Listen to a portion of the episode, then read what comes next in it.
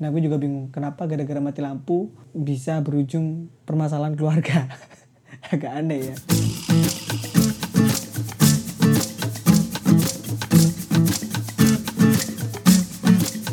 Oke, halo semuanya teman-teman yang budiman.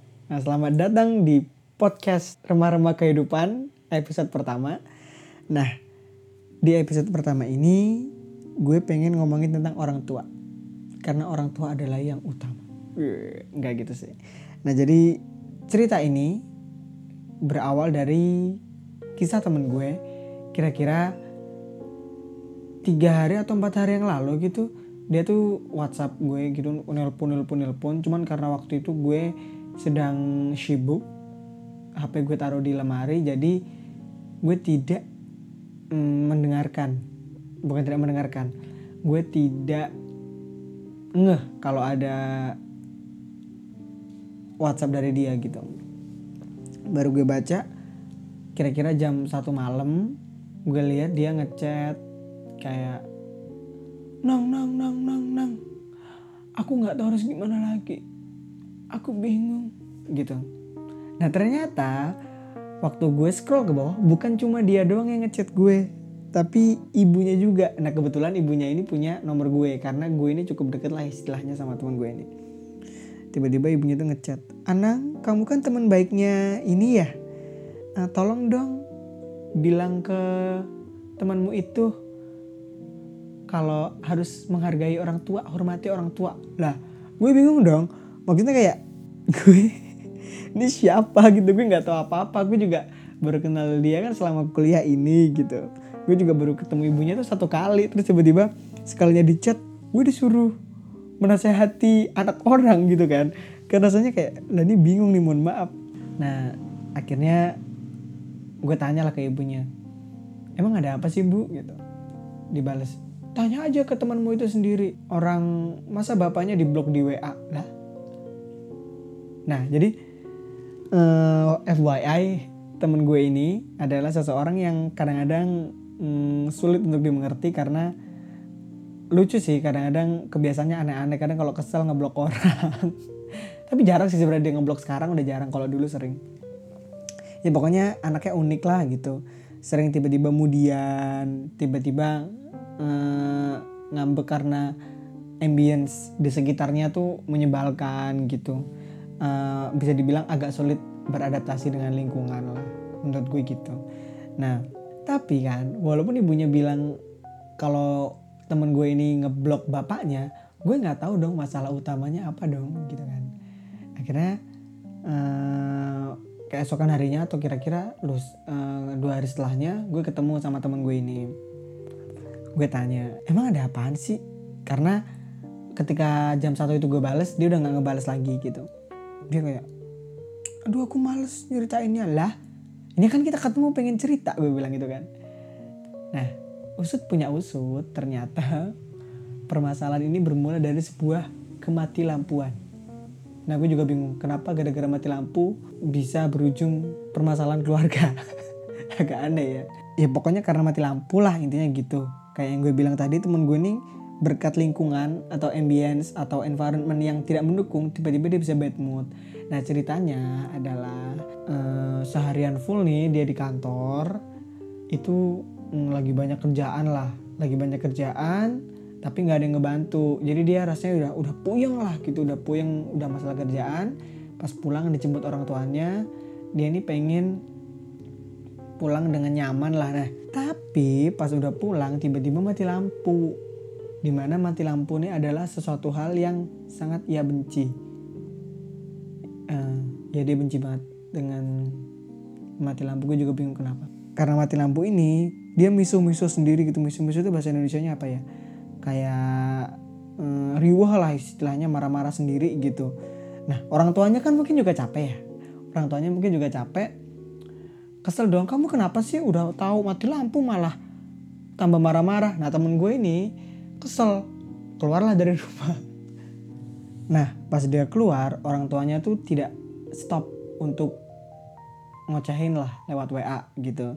Nah pas orang tuanya masih seneng-seneng ya ngocehin lewat WA tiba-tiba dia ngeblok bapaknya karena dia bilang udah pak kalau marah-marah jangan sekarang itu nah dari sini tuh dengan sangat so bijak waktu itu di Burger King gue memberi nasihat. Gini sih cara si temen gue ini tuh memperlakukan bukan memperlakukan menghadapi orang tuanya kayak dia menghadapi temannya. Karena gini sangat biasa bagi gue ngelihat dia gitu ya. Sangat sangat biasa buat gue ngelihat dia tuh tiba-tiba ngambek tiba-tiba kayak bad mood gitu dan I can handle it. Gue bisa mengatasinya karena ya udah emang dia udah kebiasaan kayak gitu gitu. Dan posisinya gue dan temen gue ini adalah makhluk yang setara gitu. Sama-sama anak muda usia 21 tahunan which is kita adalah teman gitu kan. Jadi ya nggak apa-apa karena gue paham dan menerima lo apa adanya gitu. Tapi ini masalahnya orang tua. Di mana orang tua ini tuh kayak lebih ke bos dibandingkan ke teman menurut gue mostly orang-orang tua kita nih sangat jarang yang bisa memposisikan diri mereka sebagai seorang anak juga gitu mereka berpendapat bahwa mereka tuh sudah mengaram mengalami asam manis kehidupan. Aku asam manis sih? Asam garam kehidupan ya? Asam garam kehidupan. Jadi kayak pokoknya ya gue mau taunya anak gue itu menghormatin gue gitu. Itu sepengalaman gue dan sepengalaman cerita-cerita temen gue. That's why kadang kita nih gue juga gue merasa bahwa gue lebih seneng atau gue prefer untuk menceritakan masalah-masalah pribadi gue ke teman gue dibandingkan ke orang tua gue. Karena ya kalau semuanya di kantor gitu lu nggak mungkin kan cerita soal apa namanya halal remeh-temeh ke bos lo. Lebih seringan kita cerita ke teman-teman yang sepantaran istilahnya kayak gitu. Gue bilang lah ke temen gue gue nggak bisa benerin lo di sini karena mau segimana kesel pun lo di kantor atau seberapa sebel lo dengan mati lampu ini itu lo juga nggak tahu kan nah, latar belakang orang tua lo tuh pas seharian ini gimana gitu.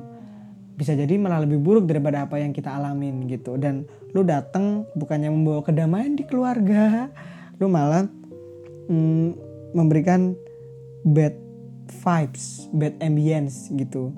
Ke orang tua kan orang tua juga kesel dong ini anak kenapa sih tiba-tiba marah-marah begini? Udah gue capek dia ngikutin bikin gue capek lagi gitu.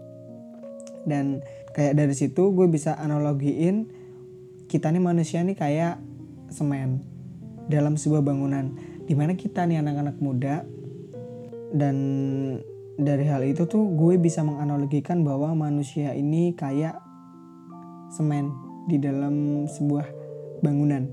Karena gue ngerasa kayak gini nih Eh, kita anak muda gitu ya. Itu lebih mirip kayak semen yang masih basah adonan mentahnya gitu. Kita bisa dibentuk sesuai dengan lingkungan kita atau sesuai kemauan kita. Pokoknya masih fleksibel lah. Makanya kita masih bisa beradaptasi di hal ini bisa beradaptasi di hal itu bisa nerima hal ini bisa nerima hal itu.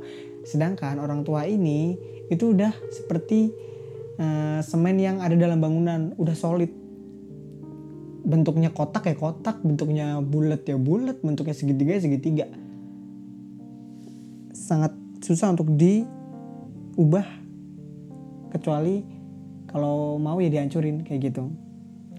Dan that's why bagi gue tuh nggak ada cara lain untuk gimana caranya orang tua gue bisa memahami gue sepenuhnya karena mereka tuh seperti yang gue bilang udah solid udah bentuknya udah kayak gitu gitu. Kalau mereka memang orangnya keras kepala ya mau sampai gimana juga bakal keras kepala. Dan akhirnya yang gue lakuin adalah gue nggak mau terlalu berharap sama orang tua gue.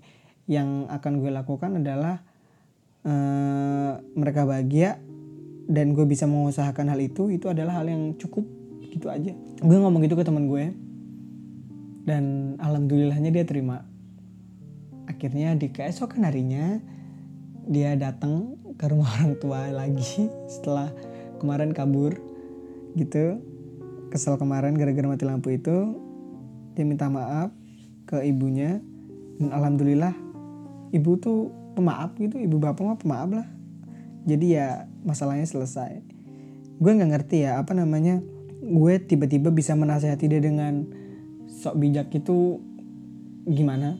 Karena gue juga nggak kepikiran tadinya gimana menganalogikan manusia sebagai semen gitu. Cuman mungkin mungkin itu yang gue lakuin selama ini ke orang tua gue karena uh, gue nggak gue ngerasa bahwa bukan gue yang harus dipahami mereka tapi gue harus yang memahami mereka gitu.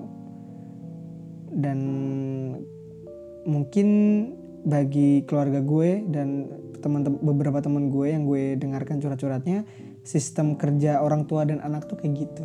Beda lah kalau kayak di film-film gitu yang di mana orang tua tuh bisa kayak oh, friendly banget sama anaknya. Bisa kayak diajak ngobrol bareng bisa diajak curhat bareng. Cuman uh, keluarga gue mungkin kayak gitu. Dan I'm okay with that.